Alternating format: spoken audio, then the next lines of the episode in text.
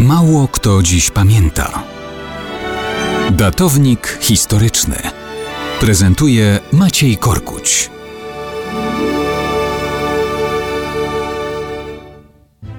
Mało kto dziś pamięta, że 6 marca 1454 roku, a więc równe 565 lat temu, król polski Kazimierz IV Jagiellończyk ogłosił akt inkorporacji Prus, czyli wcielenia do Królestwa Polskiego ziem pruskich i Pomorza Gdańskiego.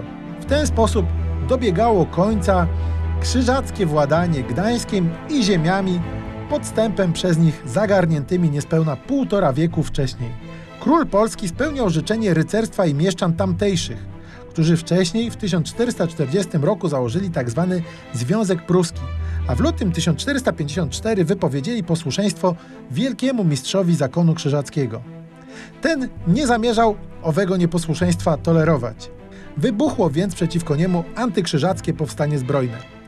Rebelianci ze Związku Pruskiego szybko opanowali prawie wszystkie miasta i poprosili o objęcie ich opieką przez Polskę.